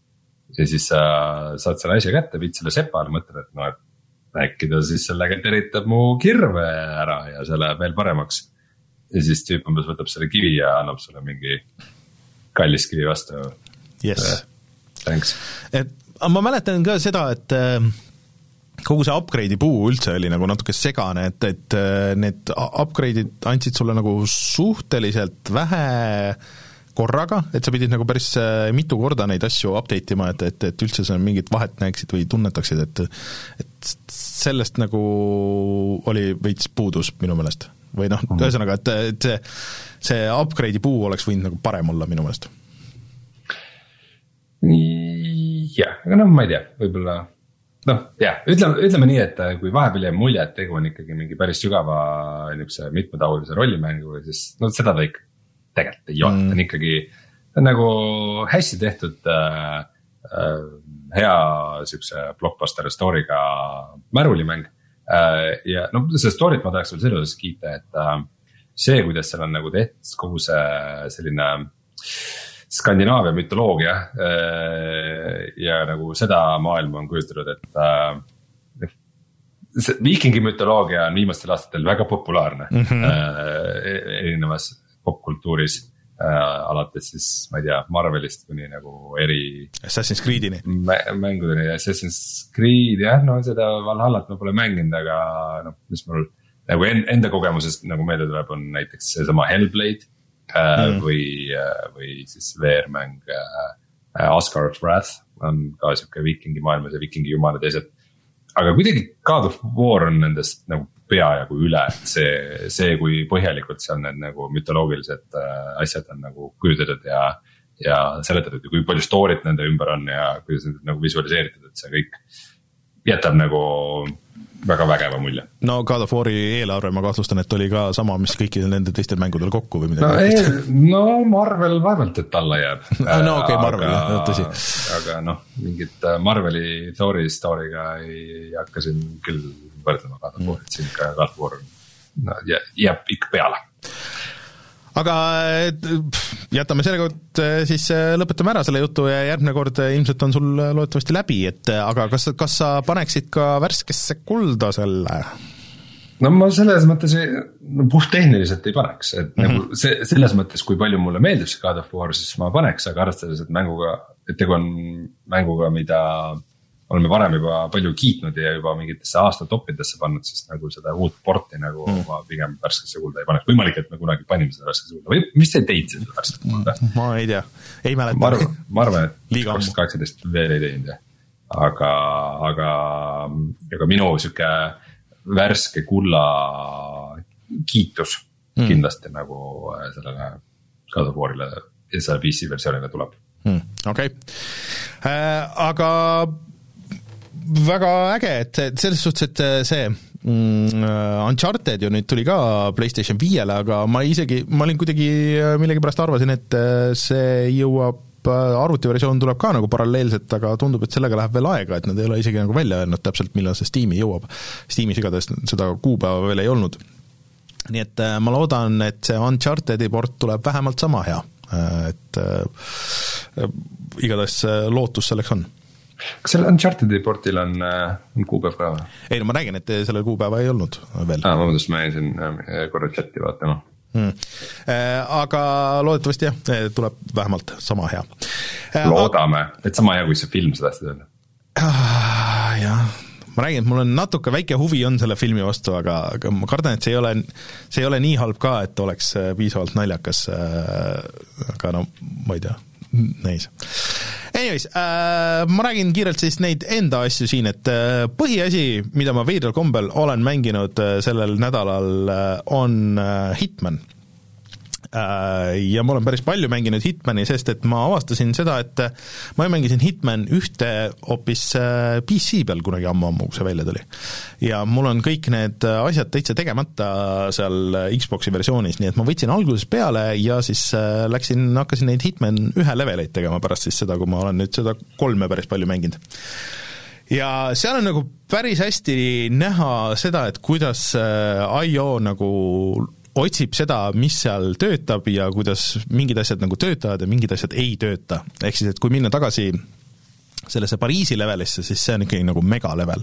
et seal on palju rahvast, sul on hästi palju korruseid sellel mm, siis ma ei tea, lossil, kus see pidu nagu toimub seal, sul on hästi palju lähenemisvõimalusi, et kuidas sa, kuidas sa saad lahendada selle situatsiooni äh, ja see kõik on ikkagi nagu väga tuus, et ma mängisin mitu korda läbi, tegin seal erinevaid variante veel, järgmine missioon pärast seda on see Sapienza level, mis on ka ekstra tuus, kus on, sul on see üks niisugune väike Vahemere linn, mis on äge, aga sealt sa leiad kuskil maal hoopis niisuguse salajase labori, kus on täiesti mingi oma teema käimas, sa saad ka nagu hästi palju eri äh,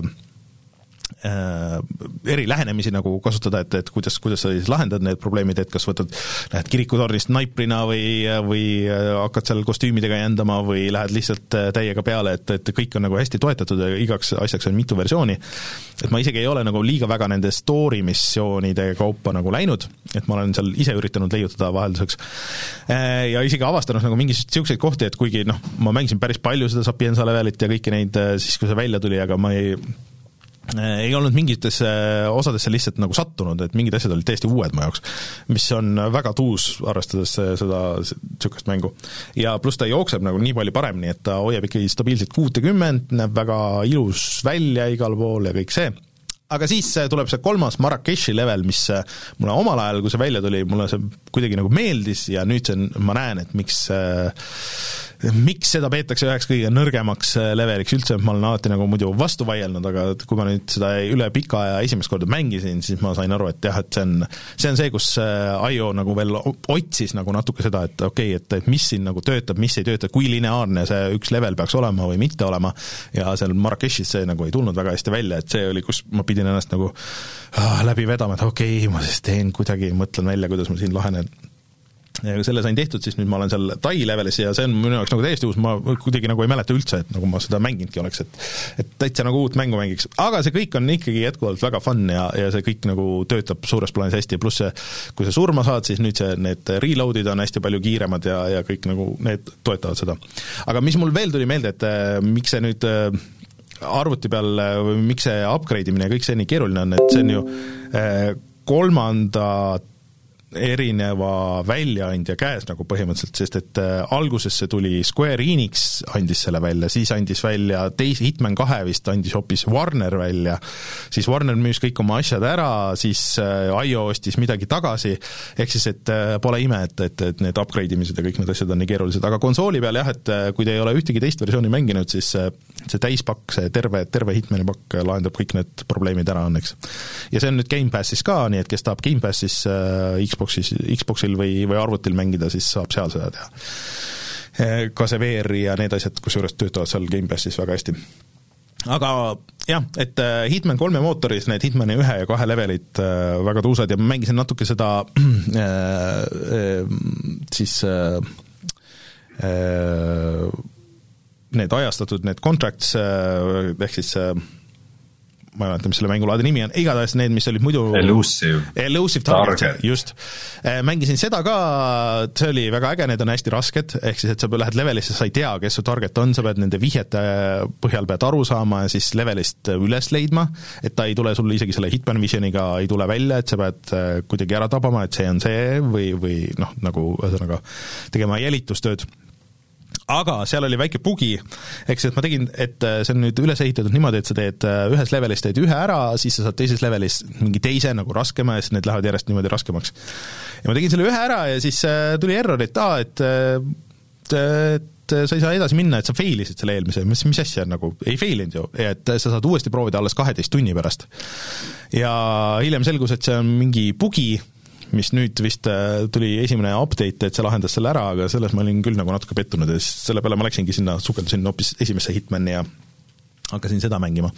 nii et äh, jah, aga mängimist on seal kõvasti, ma vaatasin, et mul on kaheksakümmend tundi vist tiksub kohe täis, nii et äh, see on päris üksjagu aega Hitman kolmes.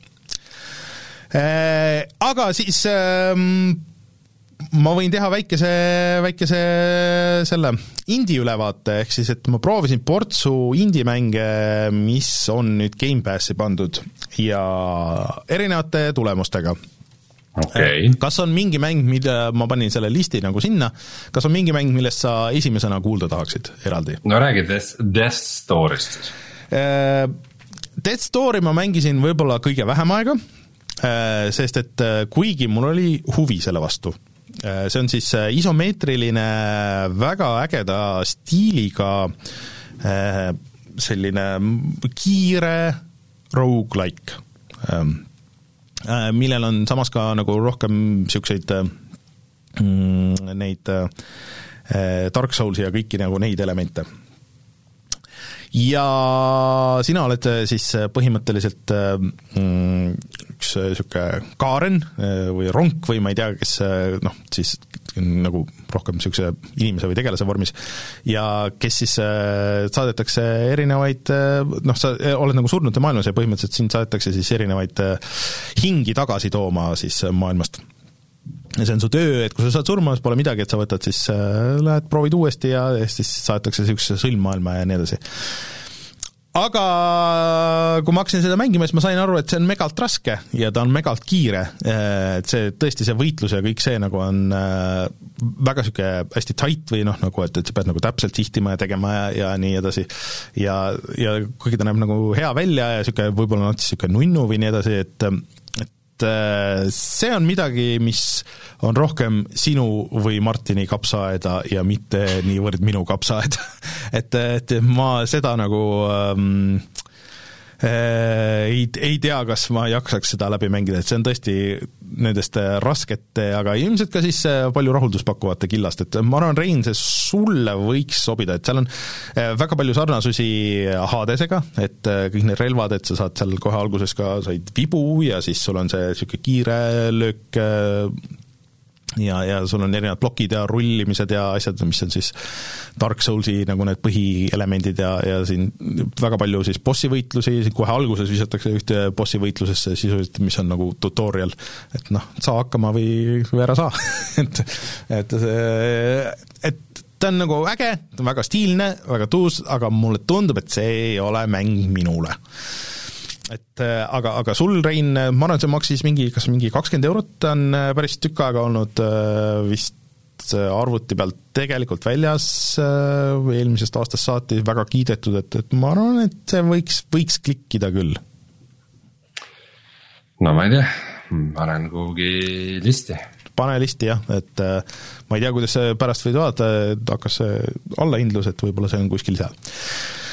Siis üks mäng, milles ma nagu väga pettusin, oli Anacrusis mis on äh, küll, ma pean andma nagu selles mõttes äh, äh, seda nii-öelda natuke slack'i või ühesõnaga, et, et, et see ei ole päris valmis mäng, et see on äh, veel selles early access'is, aga see on niisugune äh, seitsmekümnendate popi stiilis Skifi Left 4 Dead.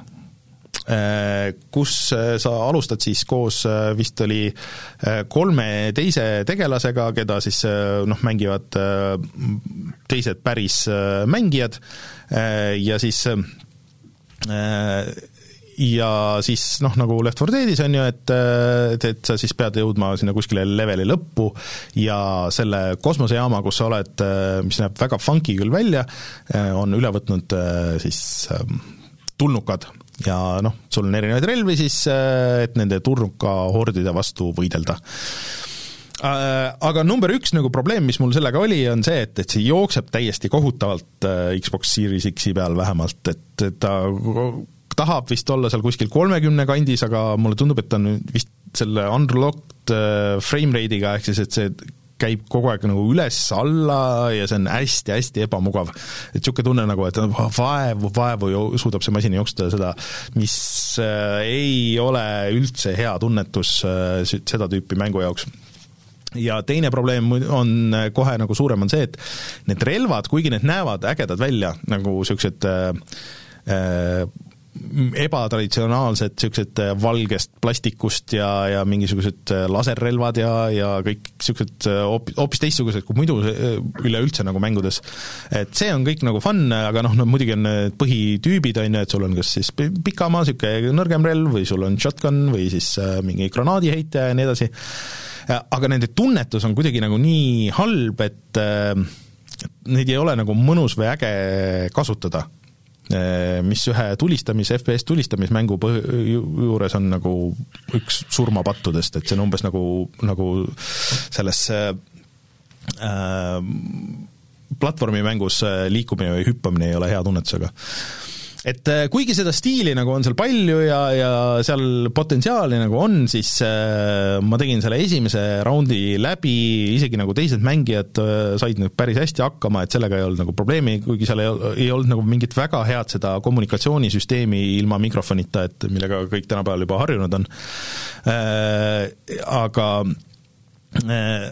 see on, seal on midagi ikka nagu väga puudu või katki, et ma ei tea, kas Early Access seda parandab, võib-olla kunagi aasta-paari pärast, aga, aga hetkel nagu ei saa küll soovitada. et niisuguseks Gamepassiks pro-, Gamepassis proovimiseks oli nagu päris hea võimalus, aga, aga kahjuks suur pettumus, et ma tegin selle esimese maailma läbi ja siis uninstallisin selle ära, ei olnud kihvt üldse. Uninstall? jep see läks sinna Unistalli hunnikusse. Siis ma proovisin ähm, Nobody Saves the World'i, mis äh, ma võin öelda, et on rohkem nagu minu tüüpi mäng äh,. põhimõtteliselt võiks öelda, et see on niisugune tänapäevane äh, nagu pealtvaates Zelda kloon mis äh, kasutab äh, hoopis tegelikult äh, mitte siis mingisugust niisugust pikslilist graafikastiili, aga niisugust ägedat käsitsi joonistatud 2D multikastiili. Aga seal siis twistiks on see, et sina oled nobody, et sa ärkad kuskil üles mingisuguses võõras maailmas täiesti ja siis sa lähed põhimõtteliselt seiklema, jõuad dungeonisse, ja siis selgub, et noh, sina oledki nagu nobody ja, ja täiesti nagu niisugune tühi avatar. ja mängu äh, põhivärk on see, et sa äh, lukustad lahti erinevaid tegelasi, äh, keda siis sa saad nii-öelda üle võtta ja kehastada, kellel on erinevad võimed, erinevad arengupuud, ja kes siis äh, saavad paremini või halvemini erinevate äh, vastaste vastu. et see esimene, mille sa lahti lukustad, on äh, rott. Ja rott siis muidugi otse loomulikult saab mingitesse kitsastesse kohtadesse sisse, roti hammustus tekitab mürgitust. Ja noh, mm, niimoodi see nagu edasi läheb, et, et pluss siis seal on nagu kombosüsteemid, et kus sa tekid noh, nagu vastavalt, kuidas sa upgrade'id, on ju, et mis tämmi mingi asi teeb, teeb ja kuidas sa neid siis kombineerid ja nii edasi. Et äh, need paar tundi, mis ma mängisin, esimesed paar dungeonit äh, tundusid äh, väga ägedad, väga huvitavad, et äh, ma saan aru, et see ei ole väga pikk mäng ka, aga ta on väga stiilne, seal on äh, päris äh, hästi tehtud dialoog, äh, see nagu käsitsi joonistatud äh, stiil on ka nagu suhteliselt värskendav tänapäeval, et ta ei ole nagu piksline ega ka nagu niisugune ma ei tea, liiga 3D või midagi niisugust, et äh, et äh, see on päris kihvt ja seda ma plaanin täitsa nagu edasi mängida, et see on vist ka saadaval arvutitele vist, ma ei tea, kas PlayStationi peal vist ka, aga väga tundub kuidagi nagu niisugune Switchi mäng nagu teisest küljest, ma ei tea, kas ta Switchi peal on, on väljas, aga Switchi peal tunduks päris mõnus mängida. et äh, päris hästi tabatud see Zelda formaat seal ja, ja siis need pusle lahendamised ja nii edasi nii et Nobody mm. Saves the World jääb praegu, jääb, jääb installituks, et ei lähe uninstalli. Zelda mängudest rääkides, kas sa oma selle väikse Zelda mängude oled läbi teinud või? aa, ei läbi ei ole teinud, aga kui sa kunagi tahad laenata, ma võin sulle laenata Neid on, neid on kusjuures äh, täitsa isegi saada vabalt ka Euronixites praegu, et ei ole üldse nagu mingit probleemi. ma võib-olla laenaks küll. aga viimane, millest ma mängisin ka Paperatsit, aga mis on mäng, millest mul on võib-olla raske rääkida, see on ühesõnaga mäng, kus sa käid ringi ja pildistad koeri ja teed neile pai ja see on päris hea. Nice. see on, see oli, see oli hea mäng, seda ma ei installinud ka veel.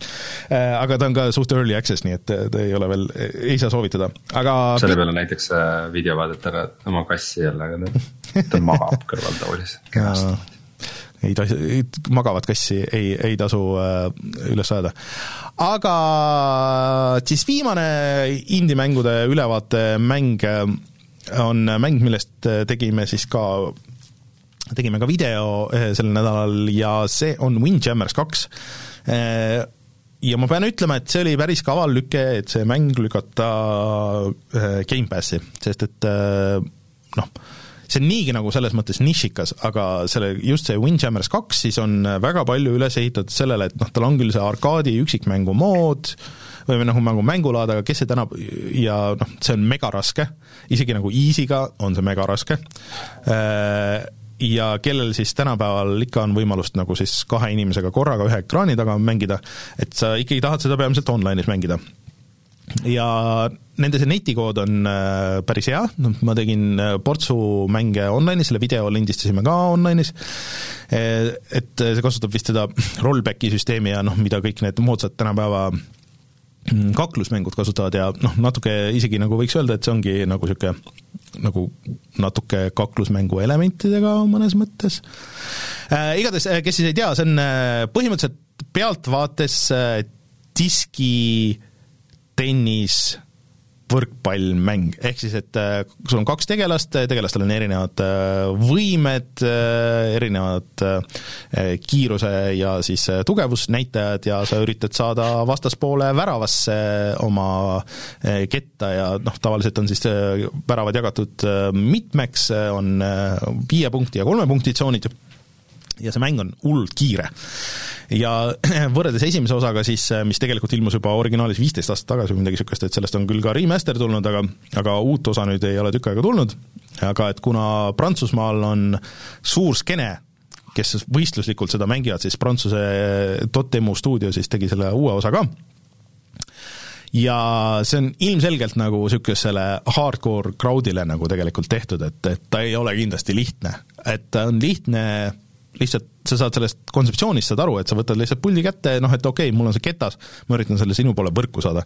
aga need nüansid on nagu väga rasked, et, et noh, et mida kiiremini sa viskad selle ketta tagasi, seda kiiremini ta, suurema tugevusega ta liigub, on ju, et kuidas sa kogud oma spetsialit täis, et millal sul on mõistlik spetsial ära kasutada, on ju, spetsial ei ole ka lihtsalt ainult see nagu mingi kiirem trikivise, aga siis ta võib ka, kui sul näiteks see ketas on kuskil teisel pool väljakut, siis ta tegelikult lööb ka selle ketta õhku, et sul on võimalus see veel kätte saada, ühesõnaga, et seal on mingisuguseid niisuguseid väikseid asju, mille õppimine ei ole nii lihtne, kui see esimene osa oli, et esimene osa oli väga pick up and play nagu mõnes mõttes, et et see lisab nagu niisugust sügavust. Ja pluss sa saad nüüd hüpata, et siis sa saad hüppe pealt võtta nagu selle ketta üle, et ka, et millal täpselt seda kasutada, et äh, Gamepassis on see kindlasti kohustuslik vähemalt korra nagu proovida, et see võib äh, klikkida täiesti nagu ootamatult, et ta on ikkagi nagu väga hästi tehtud.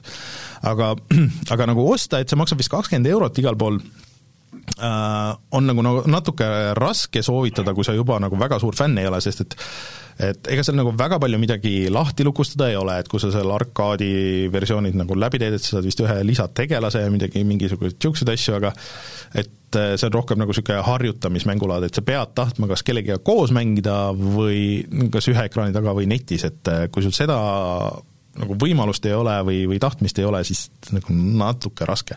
aga ta näeb hullult äge välja, et seal on ka see käsitsi joonistatud stiil ja, ja see kõik, äh, palju animatsioone ja need kõik asjad töötavad, aga ta on hullult raske. see, see arkaadi, arkaadi osa, seal paar tegelast on noh, mul lihtsalt väldin neid, ma ei saa nendele, noh, lihtsalt ei saa nende vastu mitte kuidagi.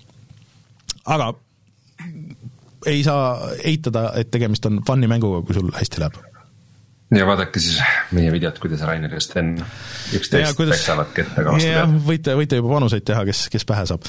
Anyways aga see on äh, minu väike indie ülevaade. mõned võidud olid ka koju ühel no, päeval level ühe käest. no mõni päev, üks, üks päev tuleb see päev, aga, aga ma pressisin Stenilt välja selle, et äh, kui äh, see äh, uus mängude öö peaks tulema, siis, siis äkki seda saab võistluslikult ka mängida, et, et selle jaoks see sobiks väga hästi, suure ekraani peal üksteise vastu äh, aga jah, eh, kui sul on Gamepass, kindlasti eh, tšeki üle, see on nii arvutil kui, kui konsoolil, nii et mm, jah.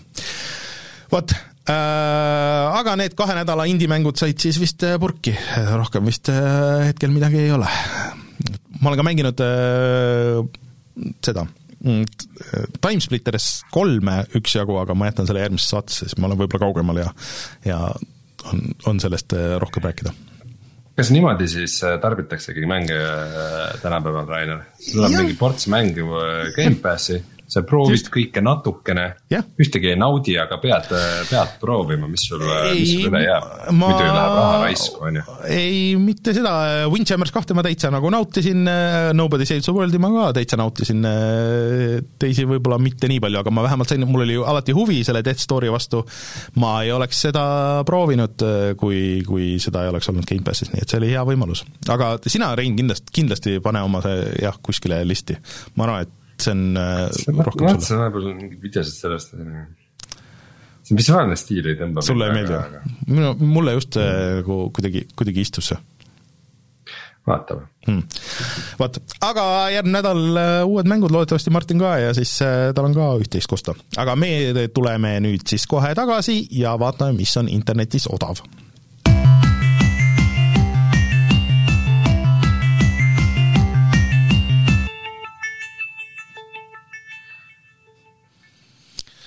Tony Sim ütleb, et äh, Anakrussi see graafika tal läks äh, mängides niisugust, äh, osades kohtades niisuguseks, et noh, sa ei saanud mitte midagi aru, lihtsalt jooksid kuskile nurka ja lootsid, et jääd ellu, sest et jah, see FPS lihtsalt kukkus mingi paari kaadri peale seal mingites situatsioonides mul ka. kas see oli see mäng, mille pärast Jet Falisek läks Valve'ist ära, et sellega töötada või?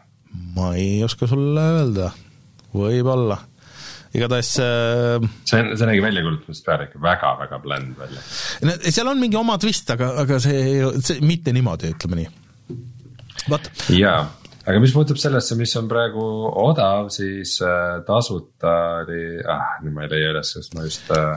Demon X Machina on äh, just äh, Epiku poes, ja Epiku poes ja siis nüüd ka tegelikult just praegu meil laivi ajal kes tiimis hakkas siis äh, Lunar New Year sale ähm,. ehk siis päris palju mänge on alla hinnatud ja tasub äh, visata pilt peale, et äh, mis seal no on, mis, mis Death Store maksab?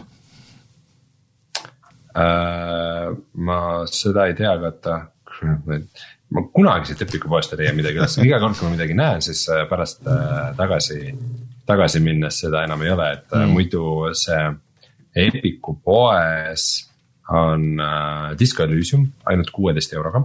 see ma on ei tea, kas ta, kas ta nii odav äh, üldse Ei ole vist, jah. olnud. ja palju allahindlusi veel, vaatame siis, nüüd on Death Store. Death Store äh, Epic või selles äh, Steamis praegu näitab mulle viisteist eurot, nii et äh, ja Epicus on üheksateist nii et lõpuks ka midagi, mis on seal rohkem. Äh, ja siin on ka bundle'id, mis on päris huvitavad, et äh, Death Store Inscription, mis on mäng, mis äh, mul on ka kirjelduste järgi tundunud niisugune, mida sina ja Martin võiksite nautida, ja Loop Hero ko koos on kolmkümmend viis eurot. Okei okay,, üsna, tundub, et üsna siuksed kokku sobivad mängud ah,. Sorry, mul kass siin tõmbab mingeid juhtmeid ja asju. kass, kass ütleb, et aitab küll. Et aga need on äh, Devolveri mängud kõik, et see on Devolveri mingid mm, bundle'id.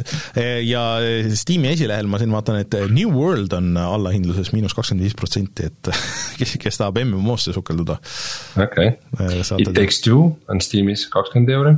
ka Gamepassis uh,. Ori and the Will of Wisps alla kümne uh,, väga palju mänge on alla hinnatud, ma midagi sihukest väga ei näe praegu, mis enne pole üldse olnud, aga ikka kui, kui on vajadus natukene mänge shopata, siis ma arvan, et praegu on väga hea aeg. Top seller uh,, PUBG Battlegrounds ja Apex Legends uh, ühesõnaga vaadake siis äh, Steam'i ja Epicusse ja allahindlused käivad, näed äh,, Steam Deck ainult neli eurot, nii odavalt annavad ära. nelja euro eest saab Steam Decki või? no siin äh, niimoodi mul ees näitab, et äh, ma ei tea, kui nad just ei valeta, siis, siis nii see läheb. tegelikult see on see see on ainult õiguse eest seda osta. just, aga selline oli meie saade tänasel kuupäeval, siis loodetavasti järgmisel nädalal ka uus mänguvideo, senikaua aga saate toetada meid näiteks Patreonis ja tulla meiega Discordi chat ima ja siis me oleme tagasi juba järgmisel nädalal, varsti juba viiesajas saade siin on, on kohal, paar saadet veel ja, ja on ilus ümmargune number. ja loodetavasti siis on Martin ka olemas järgmine nädal ja siis saame rääkida sellest, mida tema on nende nädalatega siin mänginud, kui palju temal on asju. vot. aga mina olin Rainer, minuga Rein, kohtume järgmisel nädalal, tšau! tšau! täiesti vale